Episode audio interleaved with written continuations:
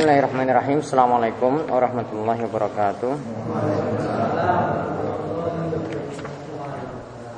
Alhamdulillahirrabbilalamin Wassalatu wassalamu ala ashrafil anbiya wa mursalin.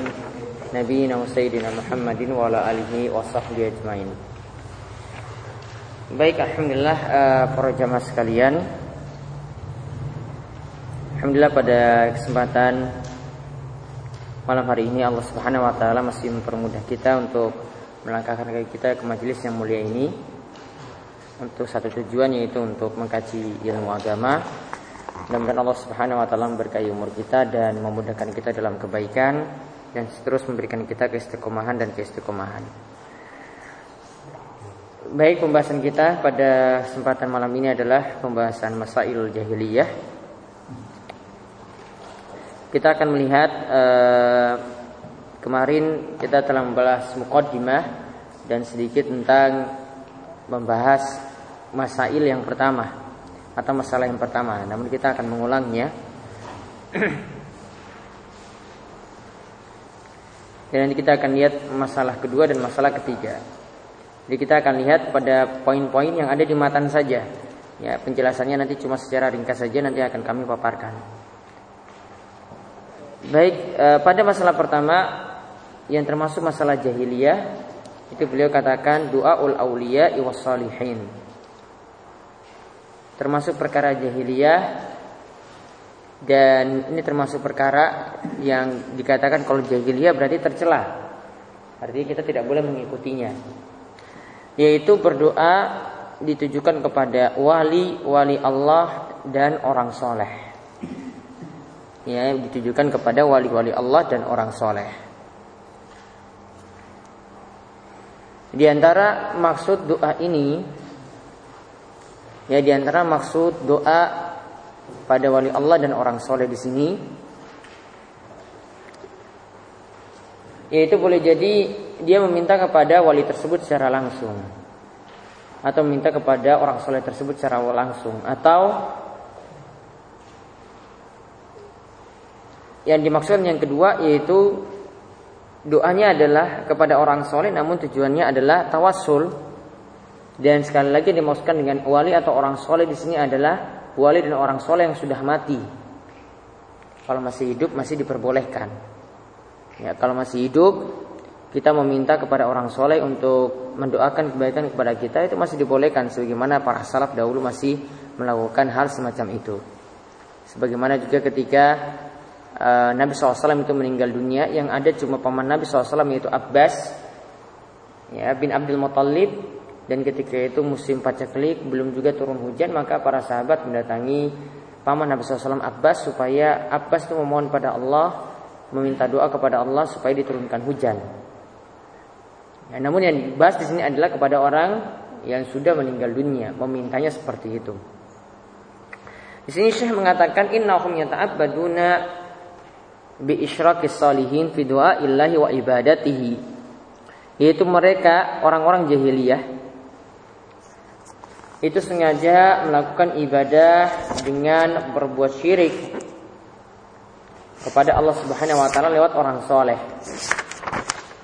Yaitu dalam fi du'a illahi wa ibadatihi.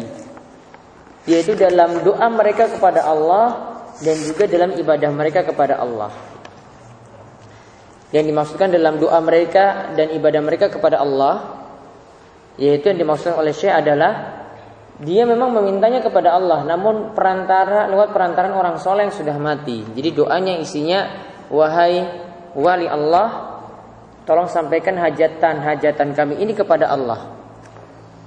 Jadi mintanya kepada orang soleh orang soleh itu yang sudah mati jadi perantara untuk meminta kepada Allah Subhanahu wa taala atau bentuknya dalam bentuk ibadah. Dengan memenuhi syarat-syarat. Atau tumbal-tumbal. Yang di mana dengan memenuhi syarat ini baru permintaannya itu terkabul. Dan ibadahnya ini ditujukan kepada orang soleh dulu. Maka di antara misalnya ada yang mau pesugihan maka dia melakukan terlebih dahulu ibadah kepada orang soleh yang sudah mati supaya hajatannya itu terkabul. Jadi dia lakukan tumbal dulu, nyembeli ayam.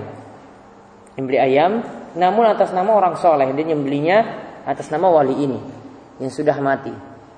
Tujuannya apa? Supaya permintaan dia itu terkabul. Nah ini kata beliau ini termasuk perkara jahiliyah. Dan zaman ini pun masih ada. Nah ini termasuk perkara jahiliyah yang tercela. Syekh kemudian mengatakan yuriduna syafa'atahum indallah. Mereka itu menginginkan syafaat di sisi Allah.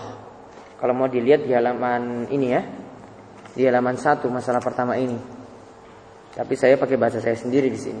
Saya terjemahkan langsung dari kitab asli. Yuriduna syafa'atahum indallah. Mereka itu meminta syafaat Ya orang-orang musyrik itu meminta syafaat kepada Allah eh, kepada orang soleh tadi ya di sisi Allah supaya mendapatkan syafaat Allah nanti di hari kiamat. Tapi tujuannya mintanya pada orang soleh. Jadi isi doanya wahai orang soleh berikanlah syafaat kepada kami. Wahai orang soleh berilah syafaat kepada kami. Padahal syafaat itu harus diminta pada Allah Subhanahu wa taala. Syafaat kata Ibnu Qayyim itu bisa diberikan kalau memenuhi tiga syarat. Syafaat itu bisa diberikan kalau memenuhi tiga syarat. Syarat yang pertama ada izin Allah. Syarat yang pertama itu ada izin Allah. Tanpa ada izin maka tidak ada syafaat. Buktinya sebenarnya Nabi Shallallahu Alaihi Wasallam ketika ingin mendapatkan syafaatul uzma saat itu beliau ya akhirnya manusia kemudian menuju terakhir kepada Nabi Shallallahu Alaihi Wasallam. Ketika itu Nabi SAW tidak langsung memberi syafaat kepada mereka. Namun Nabi Shallallahu Alaihi Wasallam itu menghadap Allah terlebih dahulu memuji-muji Allah bersujud di hadapannya. Lalu Allah Subhanahu Wa Taala katakan saat ini syafaat bagimu sudah diperkenankan. Sudah diizinkan. Baru Nabi SAW itu memberikan syafaat kepada umatnya. Tidak memberikan syafaat secara langsung. Ada izin dulu baru ada syafaat. Ya, sekali lagi yang namanya syafaat itu artinya kita minta doa pada orang lain supaya kita dilepaskan dari kesulitan. Gampangannya seperti itu maksudnya. Ya, jadi syafaat yang Nabi SAW dapatkan itu pada hari kiamat di antaranya itu syafaatul uzma Nabi bisa memperolehnya dulu ketika sudah dapat izin dari Allah. Tanpa ada izin Allah, Nabi SAW tidak bisa memberikan syafaat. Syarat yang kedua, pelakunya diridhoi oleh Allah. Pelakunya, yaitu maksudnya orang yang dapat syafaat, ya, orang yang dapat syafaat diridhoi oleh Allah. Kalau tadi kita bicarakan tentang orang yang dapat syafaat, yaitu Nabi Muhammad SAW. Kemudian sekarang orang yang diberi syafaat itu diridhoi oleh Allah. Jadi kan ada tiga pihak nanti Allah itu sendiri, kemudian orang yang beri syafaat, kemudian yang menerima syafaat. Yang menerima syafaat ini syarat kedua harus terpenuhi. Dia adalah orang yang diridhoi Allah. Orang yang diridhoi Allah itu bagaimana? Tambahkan syarat yang ketiga yaitu amalan orang yang diridhai Allah adalah tauhid dan mutaba'atur rasul dan selalu mengikuti tuntunan rasul.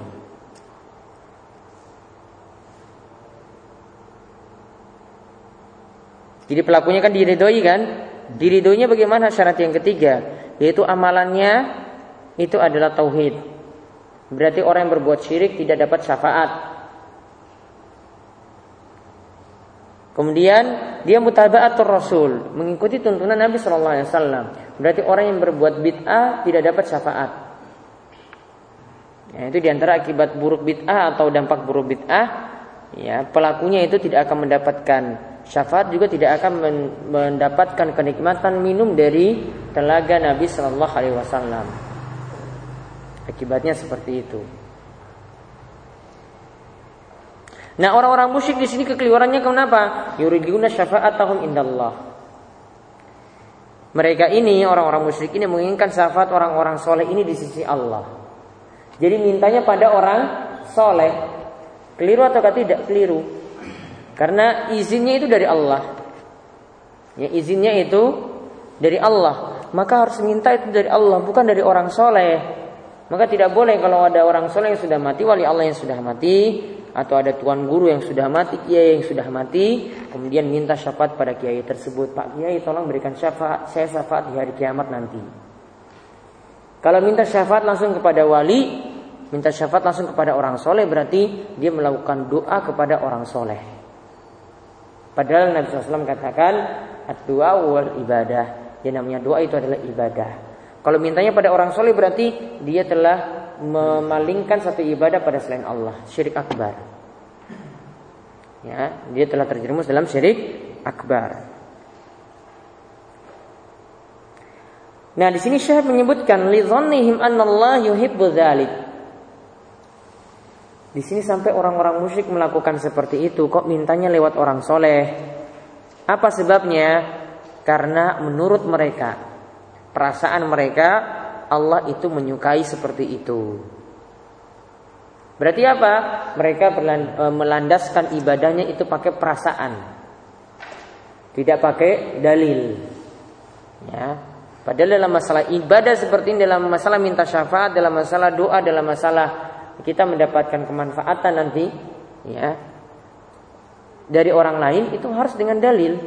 Tidak bisa pakai zon. Tidak bisa pakai perasaan. Ini cuma model perasaan. Dia sangka bahwasanya itu adalah amalan baik. Ya, sebagaimana ya di masyarakat kita menganggap bahwasanya misalnya kirim pahala bacaan Al-Qur'an itu dianggap amalan baik. Padahal Ibnu Kasir sudah membantahnya bahwasanya untuk masalah kirim-kirim pahala itu harus dengan dalil. Tidak bisa pakai dua hal, tidak bisa pakai perasaan yaitu pakai Eh, diistilahkan oleh beliau pakai kias. Ya, dia menganalogikan dengan yang lain menyamakan dengan yang lainnya. Dan juga tidak bisa pakai arah tidak bisa pakai perasaan atau tidak bisa pakai logika. Ibadah secara umum tidak boleh seperti itu. Meminta syafaat termasuk ibadah meminta doa kepada ya kepada Allah dan selain Allah juga termasuk ibadah. Jadi tidak bisa pakai perasaan juga Nah di sini kemudian mereka katakan di sini, eh, di sini Syekh katakan wa anna salihina yuhibbunahu. Dan mereka di sini nyangka bahwasanya orang-orang soleh juga menyukai amalan semacam itu. Ya orang-orang soleh juga senang dengan hal itu. Jadi kalau kalau menurut mereka orang musyrik, ya kalau kita minta syafaat kepada orang soleh, orang soleh juga sebenarnya senang. Kita minta doa kepada Allah lewat perantaran orang soleh, orang soleh juga senang. Padahal itu ini adalah perkara goib. Ini orang solehnya sudah mati. Tapi mereka katakan bahwasanya tahu bahwasanya orang soleh itu tadi yang sudah mati ini senang. Apa dalilnya orang soleh yang sudah mati tadi itu senang? Padahal orang soleh itu sudah mati. Tidak pakai dalil, cuma pakai apa? Bermodalkan perasaan. Nah tentang hal ini e, minta doa pada orang soleh yang sudah mati, pada wali yang sudah tiada. Ini disebutkan dalam beberapa ayat Al-Quran. Misalnya Allah Subhanahu Wa Taala berfirman ya dalam surat Yunus ayat 18 wa ya'buduna min dunillahi ma la yadurruhum wa la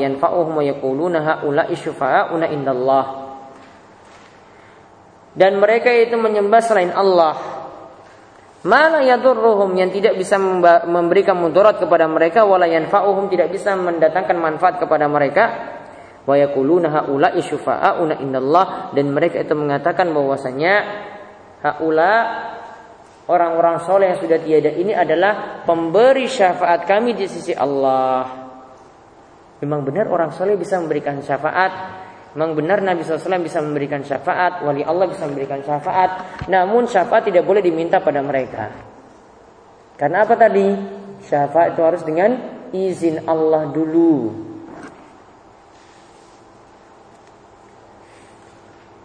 Jadi tiga syarat tadi itu harus dipenuhi dulu.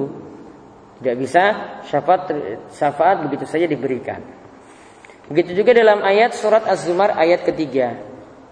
Allah Subhanahu wa taala berfirman, "Walladzina taqadu min dunihi awliya." Ma na'buduhum illa liyuqarribuna ilallahi zulfa. Yaitu orang-orang yang mengambil pelindung atau wali selain Allah, pelindung selain Allah. Mereka itu berkata bahwasanya mana abuduhum ya selain Allah ini atau wali-wali ini orang-orang soleh ini ya mana abuduhum kami tidak menyembah mereka illa liyuqarribuna ilallahi zulfa cuma sekedar ya yang kami lakukan adalah untuk mencari kedekatan di sisi Allah Subhanahu wa taala. Jadi mereka tadi katakan kami berdoa pada orang soleh jadikan perantara, kami berikan tumbal supaya ya jadikan ini juga sebagai persyaratan. Ya, kami tujukan doa-doa tadi itu cuma semuanya tujuannya adalah untuk mendekatkan diri kami kepada Allah. Kami tidak nyembah mereka langsung seperti orang nyembah berhala. Kami tidak sujud kepada mereka langsung seperti orang sujud di hadapan berhala Cuma jadikan perantara. Cuma penuhi persyaratan. Maka terbantah di sini. Ini ibadah orang musyrik seperti itu. Orang musyrik beralasan seperti seperti itu. Artinya kelakuan orang musyrik beralasan seperti tadi. Kami menyembah orang soleh. Ya, caranya seperti itu. Jadikan perantara dalam doa atau ini cuma persyaratan saja supaya kami hajat-hajat kami itu dipenuhi akhirnya ada tumbal kepada selain Allah ada sembelian kepada selain Allah nah ini masalah doa ul aulia wasolihin doa kepada wali Allah dan orang soleh. Lalu Syekh mengatakan wahadhi a'zamu mas'alatin. Ini adalah perkara yang besar. Khalafahum fiha Rasulullah SAW yang jelas-jelas Rasulullah SAW berbeda dengan itu menyelisih hal itu. Fa'ata bil ikhlas. Nabi SAW itu ketika diutus, beliau memerintahkan untuk memurnikan ibadah hanya untuk Allah. Tidak boleh berbuat syirik, diperintahkan untuk ikhlas. Tidak boleh berbuat syirik. Kalau mau doa, doa kepada Allah langsung. Kenapa lewat perantaraan orang soleh yang sudah mati? Ya, karena Allah katakan ud'uni astajib lakun. Jika kalian ingin berdoa kepadaku, ya, maka aku akan mengabulkan doa kalian. Berdoa kepadaku saja ya kata Allah Subhanahu wa taala langsung berdoa kepada Allah, tidak pakai perantara-perantara.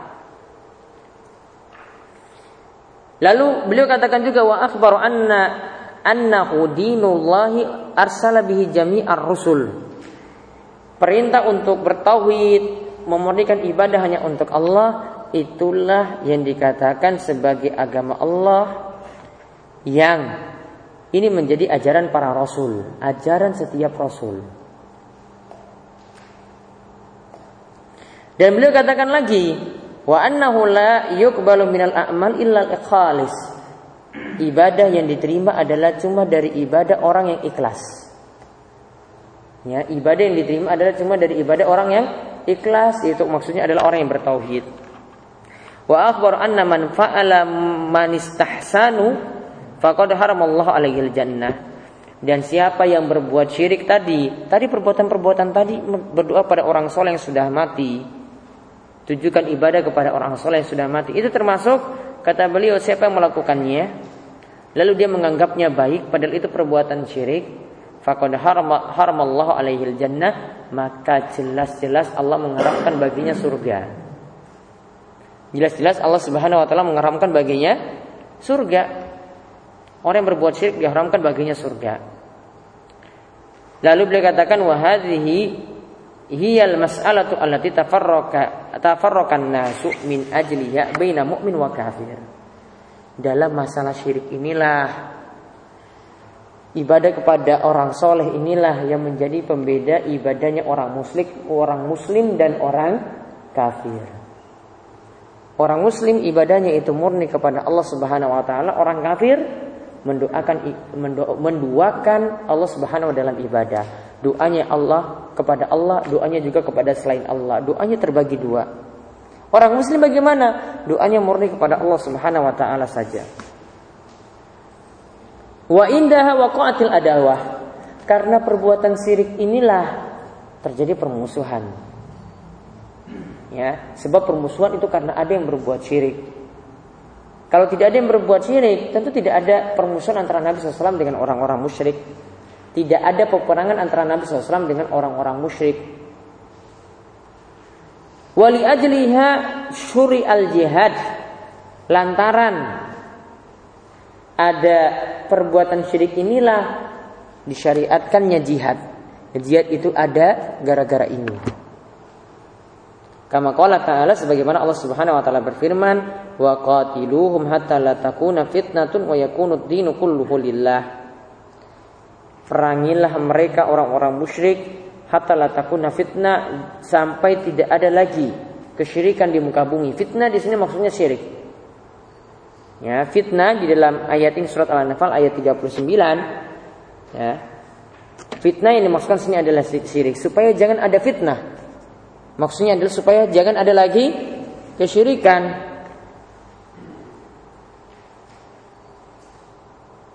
Wa yakunu dinu dan supaya ajaran agama itu semata-mata hanya untuk Allah Subhanahu wa taala. Jadi inilah yang dimaksudkan dalam masail jahiliyah yang pertama. Ya masail yang jahiliyah yang pertama ini adalah doa kepada orang soleh dan para wali yang sudah mati. Ini termasuk perkara jahiliyah. Nah, itu yang pertama dari masalah jahiliyah ini. Kemudian yang kedua, langsung lompat lagi ke halaman 14.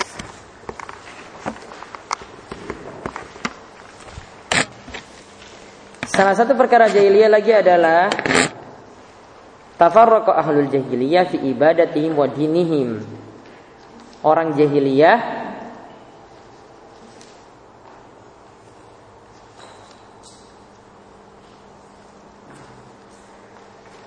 Di sini dikatakan ada perselisihan orang-orang jahiliyah dalam ibadah dan agama. Maksudnya orang-orang jahiliyah itu juga terpecah.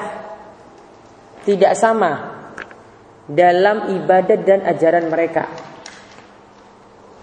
Maksud judul seperti itu orang-orang jahiliyah sendiri terpecah.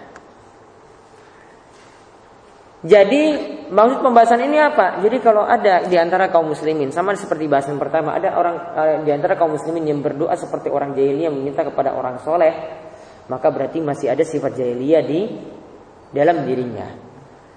Sama seperti yang kedua di sini juga, kalau di antara kaum muslimin di tengah-tengah kaum muslimin terjadi perpecahan. Dalam ibadah itu mereka tidak bersatu, Kemudian dalam masalah ajarannya juga berbeda-beda. Alirannya beda-beda. Maka ini sama juga seperti yang ada di kalangan jahil, jahiliyah. Sifat jahiliyah masih ada. Jadi perpecahan itu berarti tercela. Ya, perpecahan itu yang ada di orang-orang musyrik. Ada di masa-masa jahiliyah. Namun yang namanya persatuan itulah yang diperintahkan dalam kaum muslimin. Jadi kalau kaum muslimin saat ini terpecah belah, masih ada unsur-unsur jahiliyah di tengah-tengah mereka.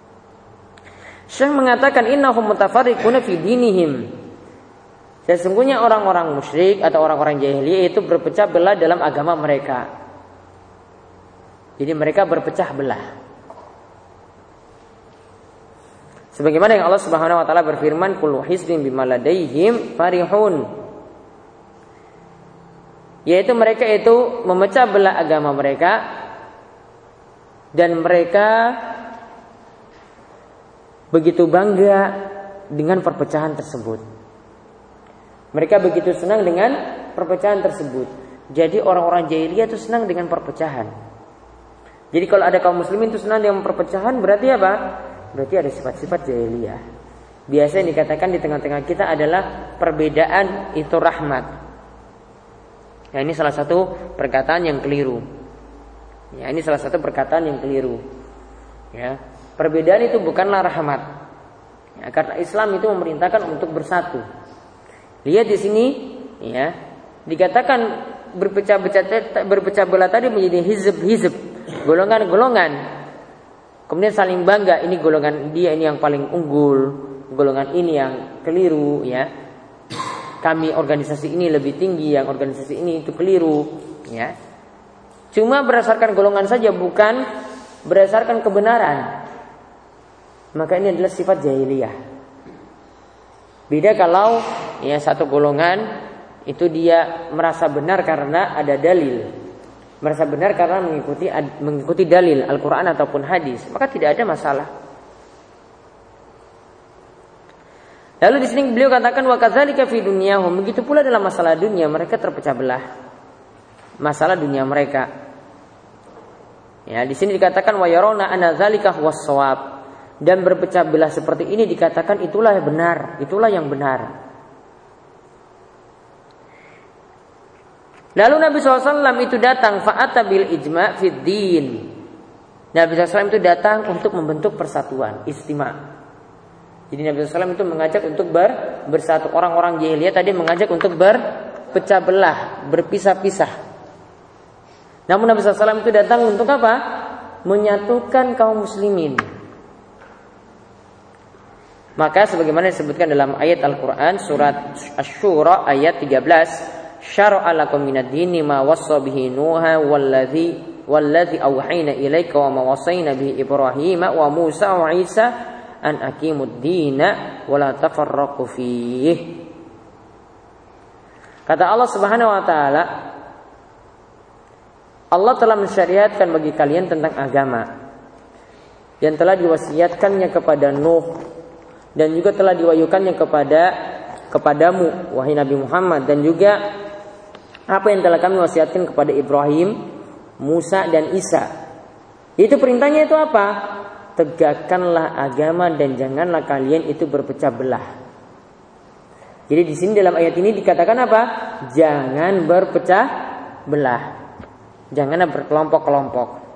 Namun ikutilah yang benar. Jangan merasa bahwasanya organisasinya itu yang paling unggul daripada yang lainnya, bukan disandarkan pada kebenaran namun cuma berdasarkan fanatik golongan saja. Di sini lihat pada poin tadi, wala tafarraqu fi. Janganlah kalian itu berpecah belah. Kalau diperintahkan janganlah berpecah belah, kalau berarti kalau orang berpecah belah berarti suatu sifat yang tercela. Begitu juga Allah Subhanahu wa taala berfirman, "Innal ladzina farraqu dinahum wa kanu syi'a lasta minhum fi syai'." Dan mereka yang memecah belah agama mereka, wa kanu dan mereka itu menjadi berke, berkelompok-kelompok lasta minhum fi ya.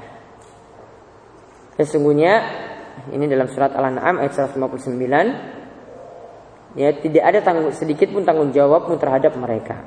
Lasta minhum min syai. Ya lasta minhum fi kata Allah tanggung jawabmu kalau mereka itu berpecah belah itu bukan urusanmu karena Nabi SAW diperintahkan untuk menyatukan umatnya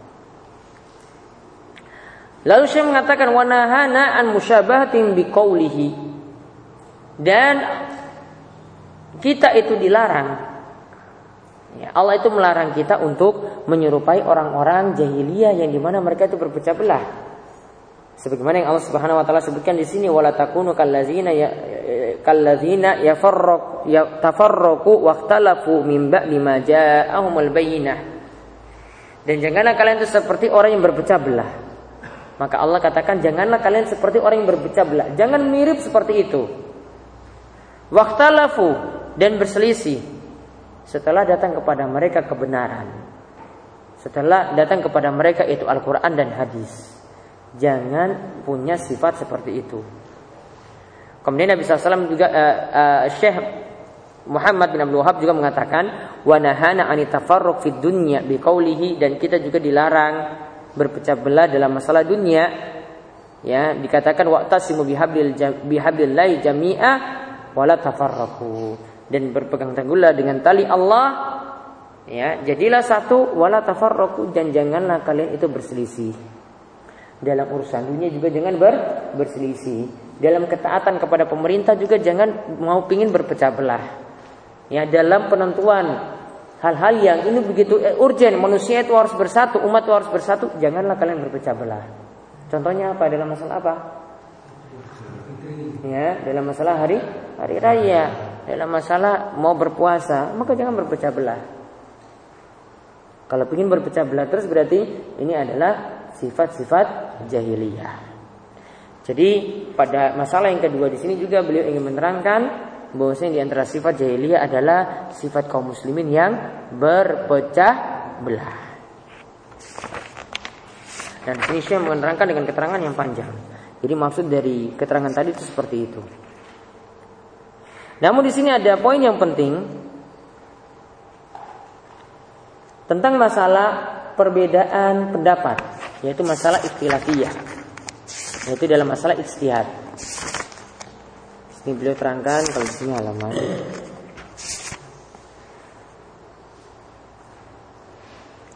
Itu halaman 22.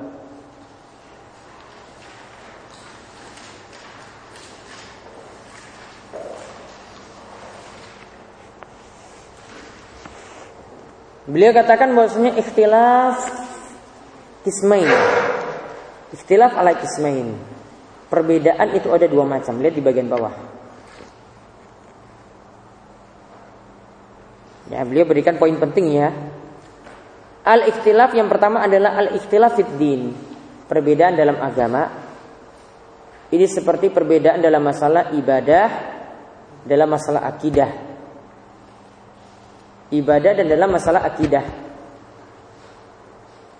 Maka kata beliau, Syekh Fauzan mengatakan, ini adalah ikhtilafun mazmumun wa muharramun. Ini adalah perselisihan yang tercela dan diharamkan. Karena dalam masalah agama, dalam masalah ajaran itu tidak ada ruang untuk beristihad.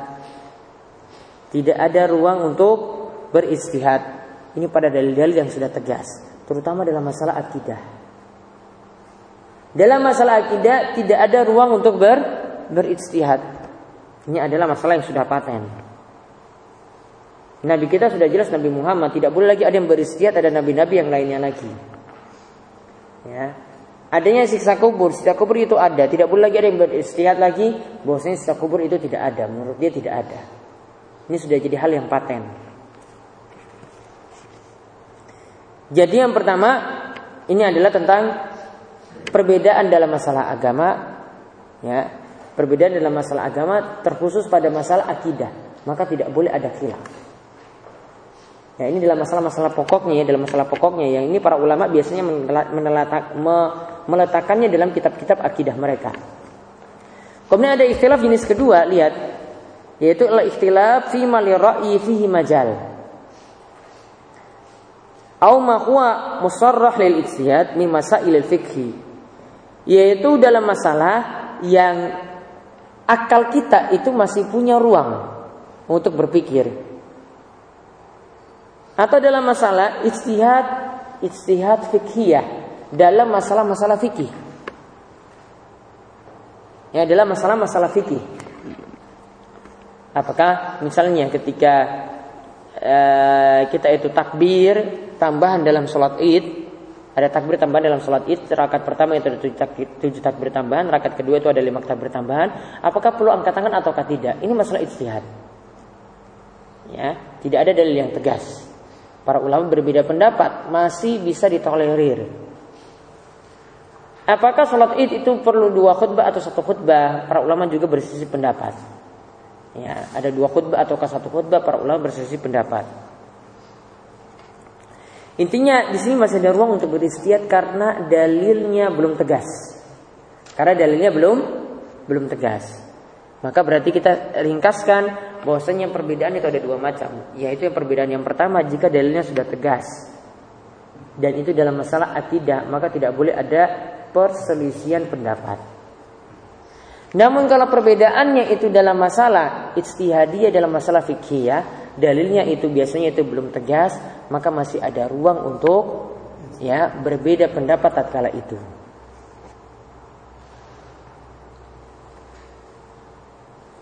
Ya, selama tadi belum ada ijma, para ulama masih ada beda pendapat, masih boleh kita beris, masih boleh kita beda pendapat tatkala itu. Namun kalau perkara yang pertama itu biasanya pada dalil yang sudah tegas, pada masalah yang sudah disepakati atau biasanya dalam masalah akidah, tapi tidak semua. Tapi ini biasanya pada akidah-akidah yang pokok, maka tidak boleh ada beda pendapat di situ.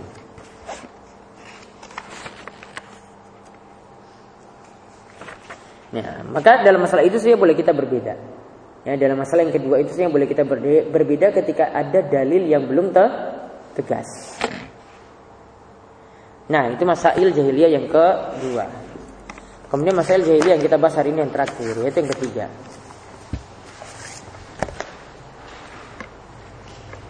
Yaitu beliau katakan itibaru mukhallafat waliyil amri fadilatan wa ta'atuhu wal inki wa ta'atahu wal inqiyada wa ta'atuhu wal inqiyadu lahu zillatun wa mahanatun.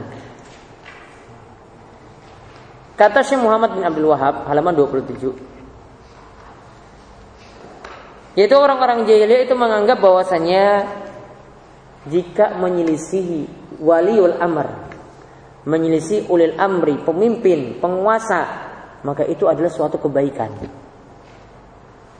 Malah diselisihi itu adalah suatu kebaikan, suatu keutamaan fi fadilah.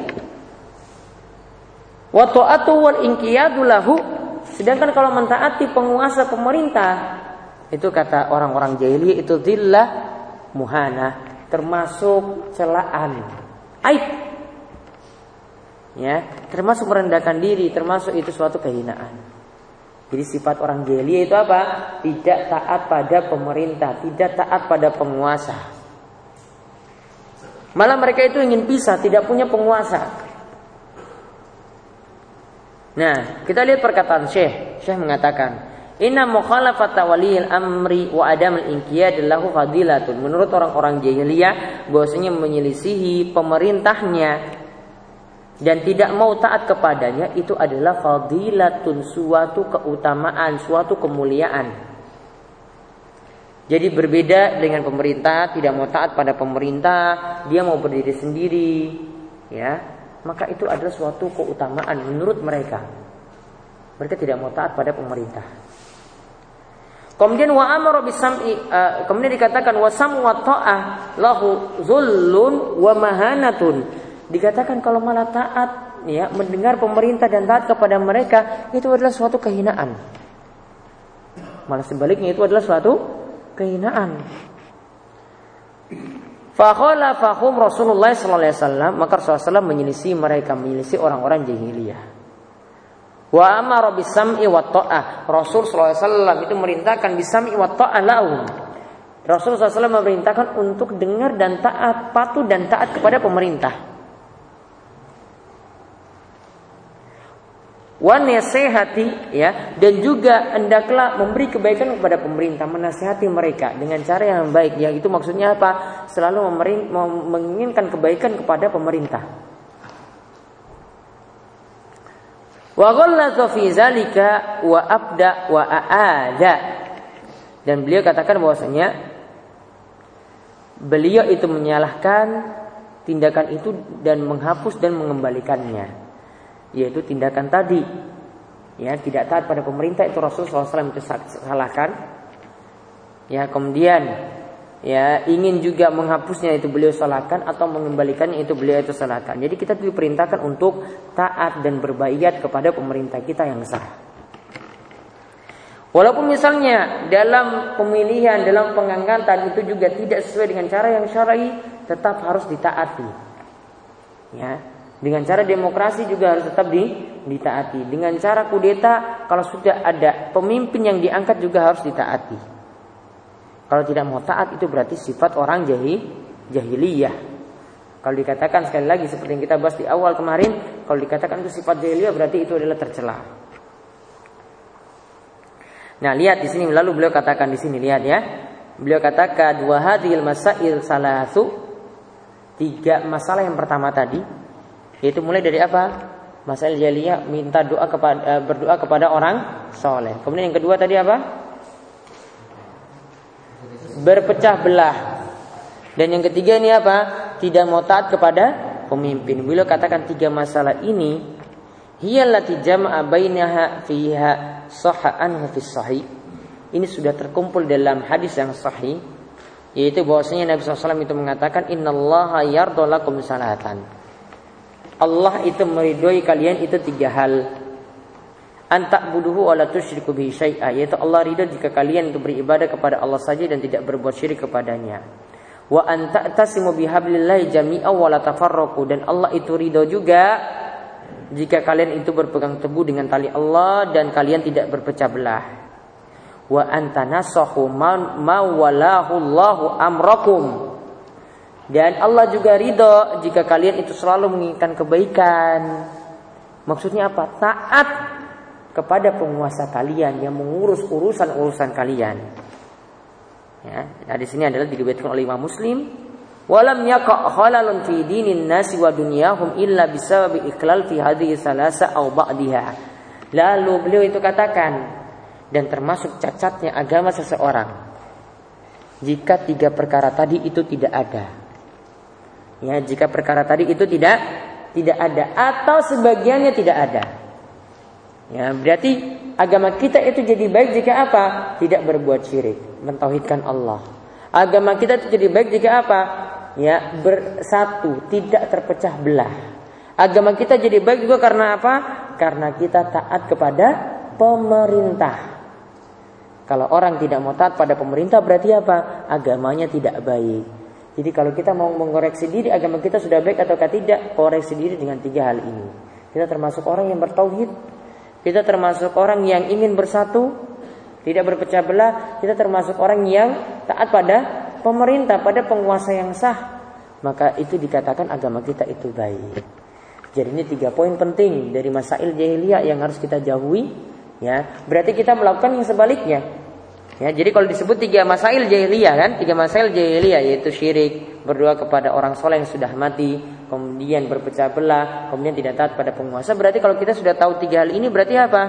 Yang sifat yang baik berarti kebalikannya. Kebalikannya berarti apa? Kita berdoa kepada Allah Subhanahu wa taala saja, tidak meminta-minta pada orang soleh yang sudah mati. Ya. Kemudian yang kedua, berarti kita dikatakan ya sebagai muslim yang baik berarti menyelisih juga masail jahiliyah yang kedua, yaitu ingin berpecah belah. Berarti kita harus bersatu. Di atas apa? Di atas kebenaran. Di atas pemerintahan yang sah. Kemudian yang ketiga, ya kalau dikatakan sifat jeli adalah tidak mau taat kepada pemerintah, pada penguasa berarti kita harus taat kepada penguasa atau pemerintah yang sah. Walau alam bisawab ini pembahasan kita tentang masa jahiliyah pada pertemuan kali ini. Ada pertanyaan?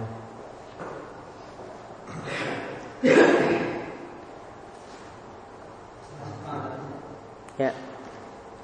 Kalau orangnya itu sudah bertauhid, kemudian masalah ibadahnya ini ada yang juga ada juga apa namanya masih dapat syafaat. Syafaatnya berkurang. Sesuai dengan dia akan mudah mendapatkan syafaat semakin dia itu itibak kepada Rasul. Kalau itibaknya itu berkurang, kita tidak katakan bahwasanya dia tidak pernah mengikuti Rasul sama sekali tidak. Pasti ada di sebagian ibadah dia itu dia mengikuti Rasul. Ya, pasti di sebagian ibadah dia itu dia mengikuti Rasul. Namun ada bid'ah yang tingkatannya itu membuat dia tidak bisa mendapatkan syafaat sama sekali jika bid'ahnya itu sampai bid'ah kekafiran. Tidak bisa dapat syafaat. Jadi kita katakan itu memang bid'ah membuat dia sulit dapat syafaat, tapi tergantung tingkatan bid'ahnya juga. Bid'ah ada yang kekafiran, bid'ah itu ada yang cuma dosa saja, maksiat. Maka kalau sampai kekafiran jelas tidak mendapatkan syafaat sama sekali. Namun kalau dia itu bid'ahnya bid'ah maksiat, maka sesuai dengan kadar bid'ah tersebut. Ya, sulit dapat syafaat. Itu saja yang kita katakan. Kita tidak katakan dia tidak dapat sama sekali. Ya, kita tidak katakan dia tidak dapat sama sekali. Namun orang yang berbuat bid'ah tetap sulit dapat syafaat. Ya. Kan saya minta penjelasan tentang ciri-ciri dari orang yang mendapatkan izin Allah atas tiga syarat tadi. Izin Allah itu maksudnya apa mereka itu melakukan sesuatu mengenai tauhidnya kemudian pelaksanaan ibadahnya semuanya itu termasuk izin Allah bagaimana? Izin Allah di sini maksudnya diberikan kepada pemberi syafaat. Nabi Muhammad beri syafaat, Allah izinkan dulu, baru Nabi SAW bisa beri. Kita tahu Nabi SAW memang orang yang nanti akan memberikan syafaat.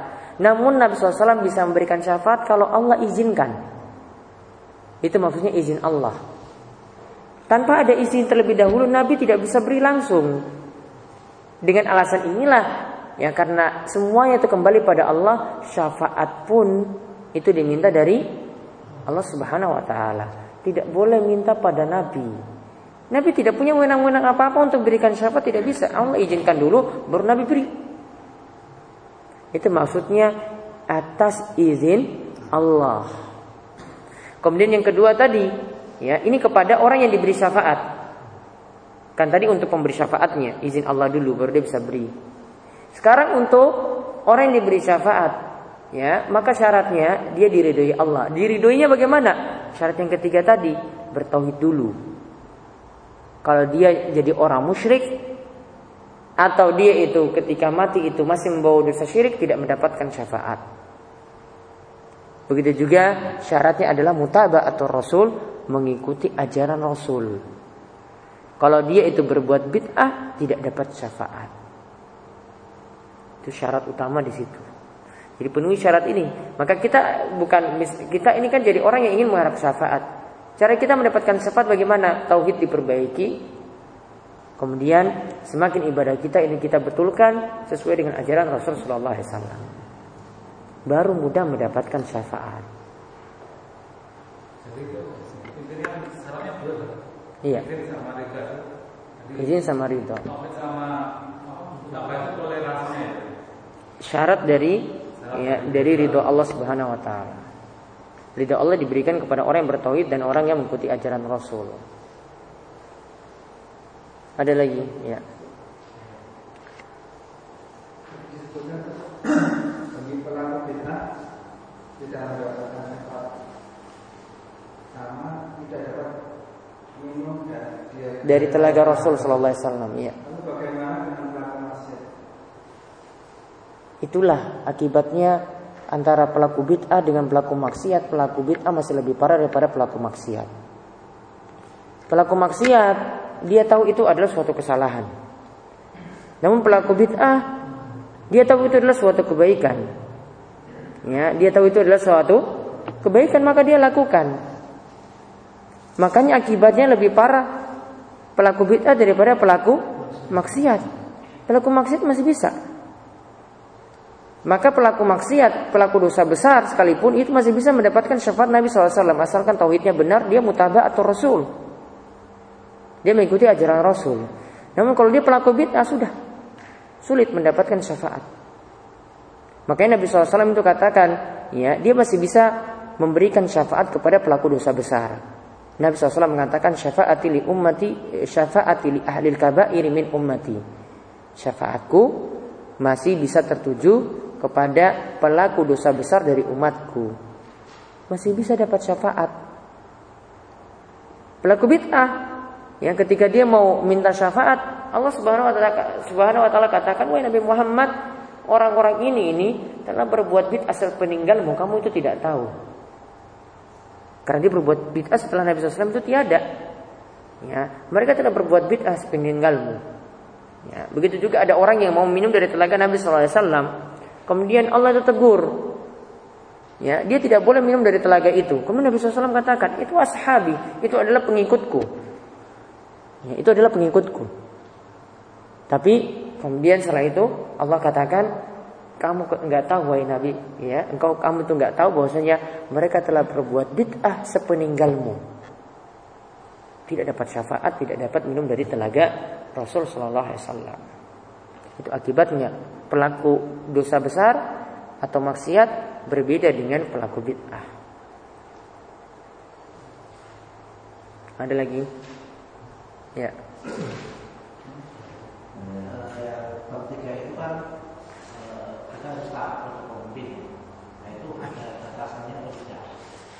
Ya. Maksudnya kalau sekarang kan kemungkinan ada kebijaksanaan-kebijaksanaan itu yang mungkin bertentangan Ya. Nabi SAW itu mengatakan la ta'ata li makhlukin fi masyiatil khaliq, yaitu tidak boleh taat kepada makhluk dalam bermaksiat kepada Allah. Jadi selama itu dalam perkara maksiat maka pemimpin tidak boleh ditaati. Namun kalau itu dalam perkara mubah ya dalam perkara yang ada maslahat maka wajib ditaati. Ya, maka wajib ditaati. Termasuk juga kalau itu cuma paksaan. juga tetap ditaati, tidak boleh memberontak. Dalam masalah maksiat saja kepada Allah saja dia tidak boleh ditaati. Pemerintah mengambil harta kita dengan cara paksa, maka tetap ditaati. Yang Nabi SAW katakan walaupun walaupun penguasa itu memukul, mau mengambil hartamu, maka tetap sam wa ta'at, tetap patuh dan taat. Tapi kalau perintahkan untuk maksiat tidak boleh ditaati. Kenapa kok dalam masalah pemaksaan kok tetap ditaati, kita tidak memberontak? Karena masalahnya lebih besar kalau tetap taat daripada kita memberontak kerugiannya lebih banyak. Ya, ketika itu kita pilih mudarat yang lebih ringan. Mendingan harta kita diambil saja sudah diambil daripada kita memberontak kerugiannya nanti lebih besar. Ya, jadi ya, mentaatinya cuma dalam perkara mubah, dalam perkara yang ada maslahat. Tidak dalam perkara maksiat. Apalagi jika pemerintah itu mengikuti tuntunan. Tetap lebih taati lagi. Ada lagi? Ya.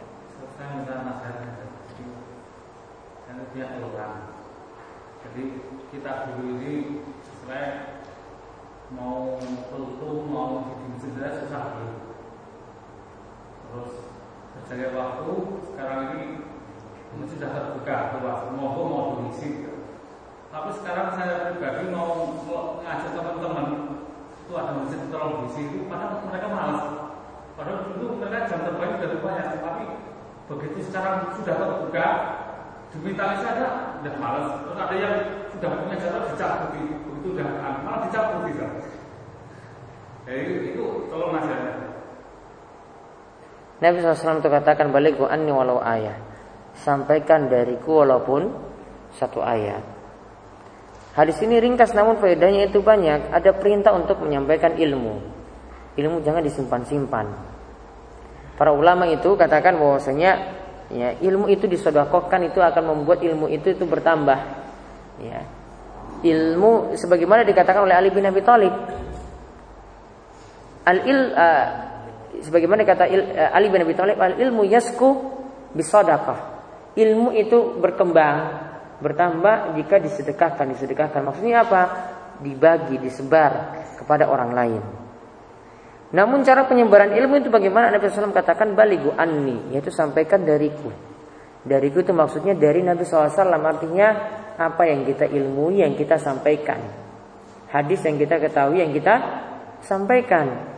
Apa yang Nabi SAW itu katakan yang kita sampaikan bukan yang lainnya. Jadi kalau selama ilmu kita itu benar, ya sudah dapat tiga masalah tadi ini sudah bisa disampaikan kepada orang-orang. Ya, ini masalah apa yang ada di tengah-tengah kita ini. Ini belum masalah-masalah yang lainnya lagi setelah ini. Tiga masalah ini sudah sudah ada di tengah-tengah kita. Orang punya kesalahan dalam masalah ini. Jelaskan ini termasuk masalah jahiliyah misalnya. Sebutkan tiga hal ini.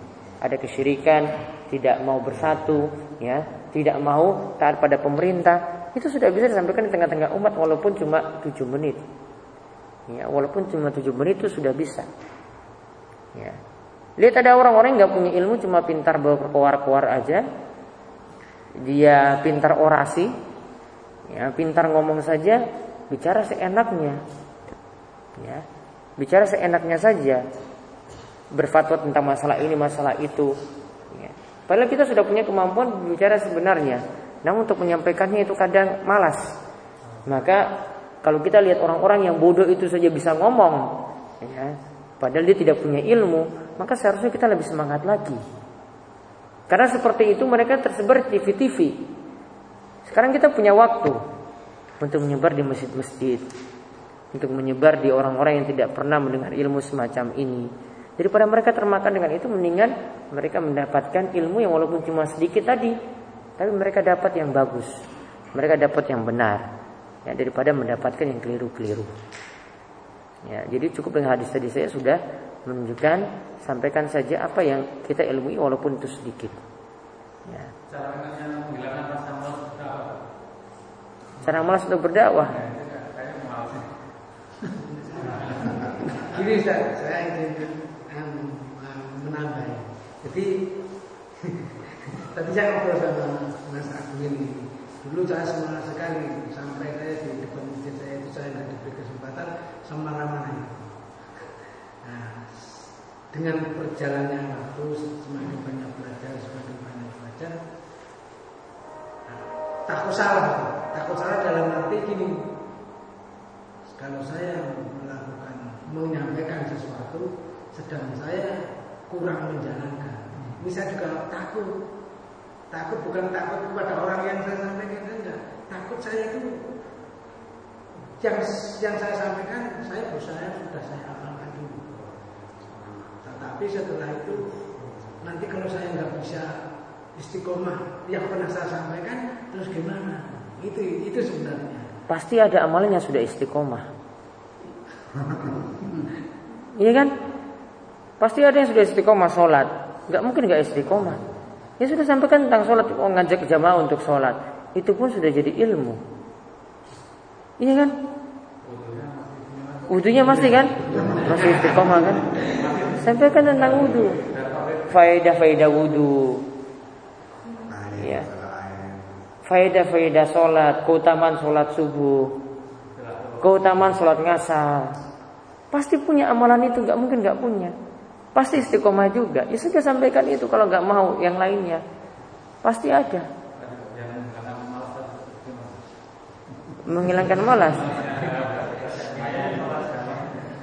harus banyak baca baca kisah lihat orang-orang yang semangat kalau dulu itu kajian kan nah kalau saya dulu kan kajian itu seminggu mana seminggu dua kalau sekarang kan banyak kajian kita hanya ikut sana ikut sana tapi untuk belajar seperti itu kalau dulu senang sekali belajar saya sampai belajar ini saya amalkan saya berusaha besok saya sampaikan. Saya berusaha mencari tempat untuk menyampaikan. Tetapi lama-lama itu bukan yang berani. Wah diajak nanti takut ini kurangi lah. Saya diminta makannya justru prinsip itu salah. Kalau kita ini mau melihat ya dakwah itu tidak bisa tersebar dengan e, seorang ustadz datang ke setiap masjid-masjid yang ada di seluruh Jogja nggak mungkin maka dengan bapak-bapak ini yang sudah belajar itu yang nanti menyampaikan apa yang sudah dipelajari. Yang disampaikan di masjid itu. Kita nggak mungkin turun-turun lagi di situ. Ya, makanya kalau saya sendiri saya ketika Ramadan itu saya nggak senang keluar dari kampung. Saya nggak senang keluar dari Gunung Kidul. Saya cukup di sana saja. Sudah ada yang di sini-sini yang sudah bisa sampaikan sudah cukup. Dan orang-orang situ lagi. Jadi pada kita orang luar. Warga di situ tuh lebih didengar daripada warga luar. Karena mereka yang tahu masalah. Mereka yang tahu ini ini kemungkaran di sini, tahu masalah-masalah di situ. Ini sekarang lagi musim apa coba? Lagi pasang nomor misalnya.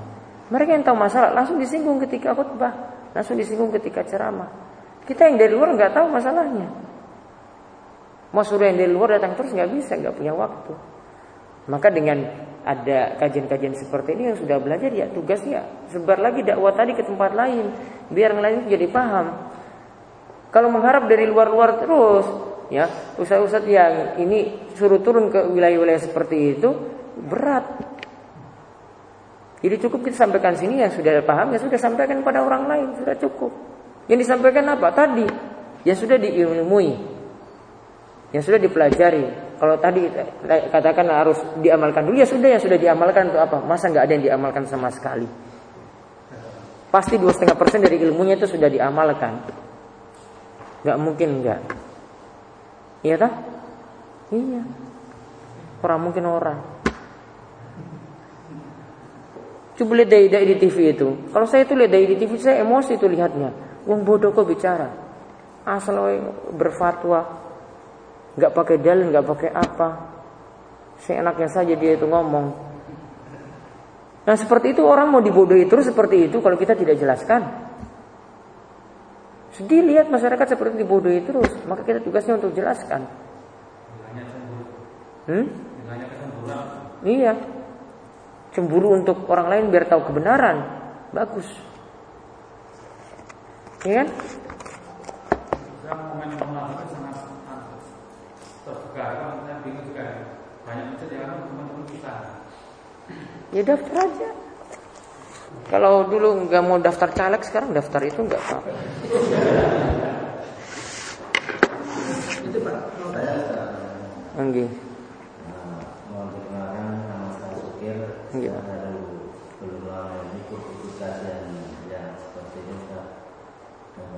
dulunya saya eh, ahlinya maksiat bukan ahlinya lain-lain. Jadi alhamdulillah mohon semuanya yang menjadi bahan pertanyaan saya ini tadi baru tadi kejadiannya Ustaz. Jadi uh, untuk menghindari syirik dan mungkin bid'ah termasuk uh, acara-acara yang ada di dalam masyarakat seperti tadi sore tadi untuk menghindari itu saya mencari-cari alasan itu Pak mencari alasan-alasan yang mungkin ada di mobil itu kan tempat mertua saya tadi yang diadakan tahlilan untuk ngirim di rumah gitu Pas bulan ruah lagi ya. Ya, karena seperti itu kan di tempat pengobatan dan dan itu. Terus saya beralasan saya nanti ada mau acara sama teman saya gitu. Nah, terus yang di eh, tempat saya tinggal di itu Pak Slamet itu kirinya sana Candi. Itu saya tadi juga diundang untuk uh, izin gitu.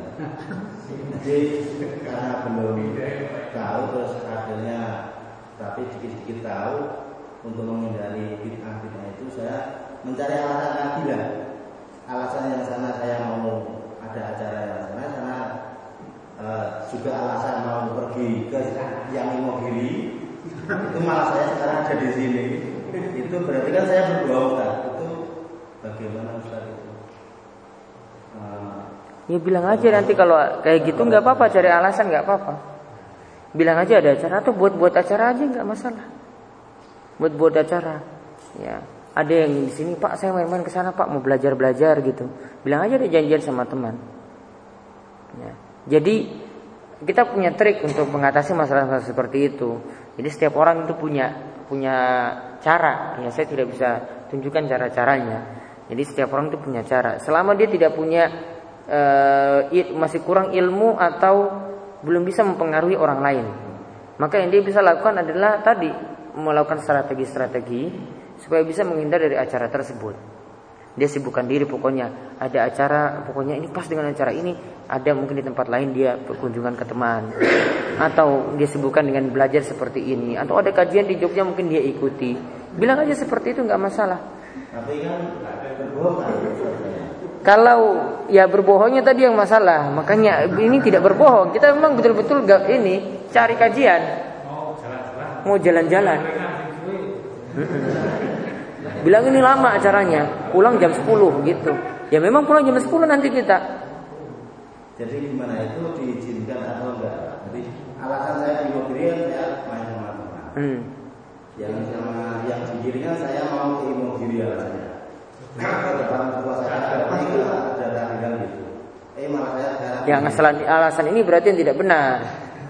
Ya, yang tadi itu sudah benar mau pergi ke teman itu sudah benar. Ya, maka dua-duanya berikan alasan aja saya ada acara pengajian nanti sudah titik selesai kan dua-duanya bilang kayak begitu selesai. Sudah ada jadwal pengajian rutin. mesti ada alasan yang jelas. gitu. Ada alasan yang jelas. Hmm, Kalau belum ada acara, buat acara. iya. Maunya. Iya, Kalau belum ada acara, buat acara. Pasti lepas nanti. Kalau selama belum punya ilmu, belum punya kuasa di situ. Namun kalau sudah punya kuasa, santai aja dia mau datang mau enggak, orang sudah tahu. Saya pokoknya nggak mau yang kayak gitu. Didoakan dengan. Saya nggak usah ngomong-ngomong. Ada lagi? Satu lagi Ustaz. Apa lagi? Jadi saya juga belakang tidak jauh dengan bapaknya. Jadi kebanyakan teman saya itu juga kan orang pemasaran artinya yang orang luar. Jadi yang dia tanyakan gini, saya punya orang sekarang masih ditahanan, itu mantan penjahat kas kakak, kerjanya merampok. Tapi yang dirampok adalah punya orang-orang. Tapi dia juga akidahnya saya ketemu hanya sekali. Memang akidahnya luar biasa dan orangnya sikapnya tegas jelas kan pokoknya orangnya masalah agama syirik pihak dia benar-benar tahu. Tapi dia memang mantan perampok kelas kakak tapi yang perampok adalah punya punya orang yang kaya raya dan orang muslim. Terus hasil rampokan itu juga dikasihkan di tempat-tempat orang-orang yang miskin dan orang-orang yang orang-orang Ya punya. nggak punya Robin Hood berarti. saya rasa beliaunya masih ditahan mungkin tujuan lagi keluar. Bagaimana? Suruh ke sini. Suruh ke sini. Nanti diberitahu. Nanti diberitahu mencuri seperti itu nggak boleh. Tanggal 12 ya. Ya, pokoknya nanti diberitahu mencuri seperti itu tidak boleh. Orang kafir selama dia, dia adalah di sekitar kita dan bukan diajak perang, diberikan jaminan keamanan, maka tidak boleh diganggu sama sekali. Dia sama seperti orang muslim yang lain. Tidak boleh diambil hartanya juga. Bahkan kalau sampai dibunuh, orang kafirnya tadi sampai dibunuh, ya, maka dia tidak akan mencium bau surga. Bahayanya di situ. Tapi kalau seandainya hartanya itu yang nggak dikembalikan gimana? Itu masih menjadi tanggungan Ustaz? Artinya dia sekarang sadar betul dan kerjaan yang dulu yang pada harta yang diambil itu wajib mengembalikan ke Ustaz. Seharusnya iya. Kalau nggak mau gimana? Hah? Ya banyak tobat Banyak kebaikan Nanti kan di akhirat pahalanya kelong nanti Maka dia harus tambah-tambah kebaikan Biar nggak habis semua hmm? sama orang tua kita Ya pokoknya itu kewajiban dia nanti Urusannya ya Ini masalah manusia soalnya Masalah dengan manusia Pokoknya pahalanya nanti diambil? Gak tahu nanti untuk siapa Pokoknya nanti sini.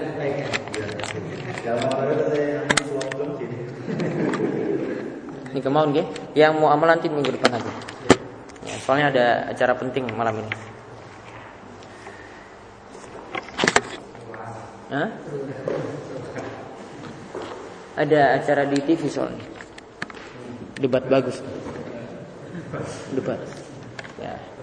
Subhanakallahumma bihamdika asyhadu an la ilaha illa anta astaghfiruka wa atubu ilaik. Ya, assalamualaikum warahmatullahi wabarakatuh.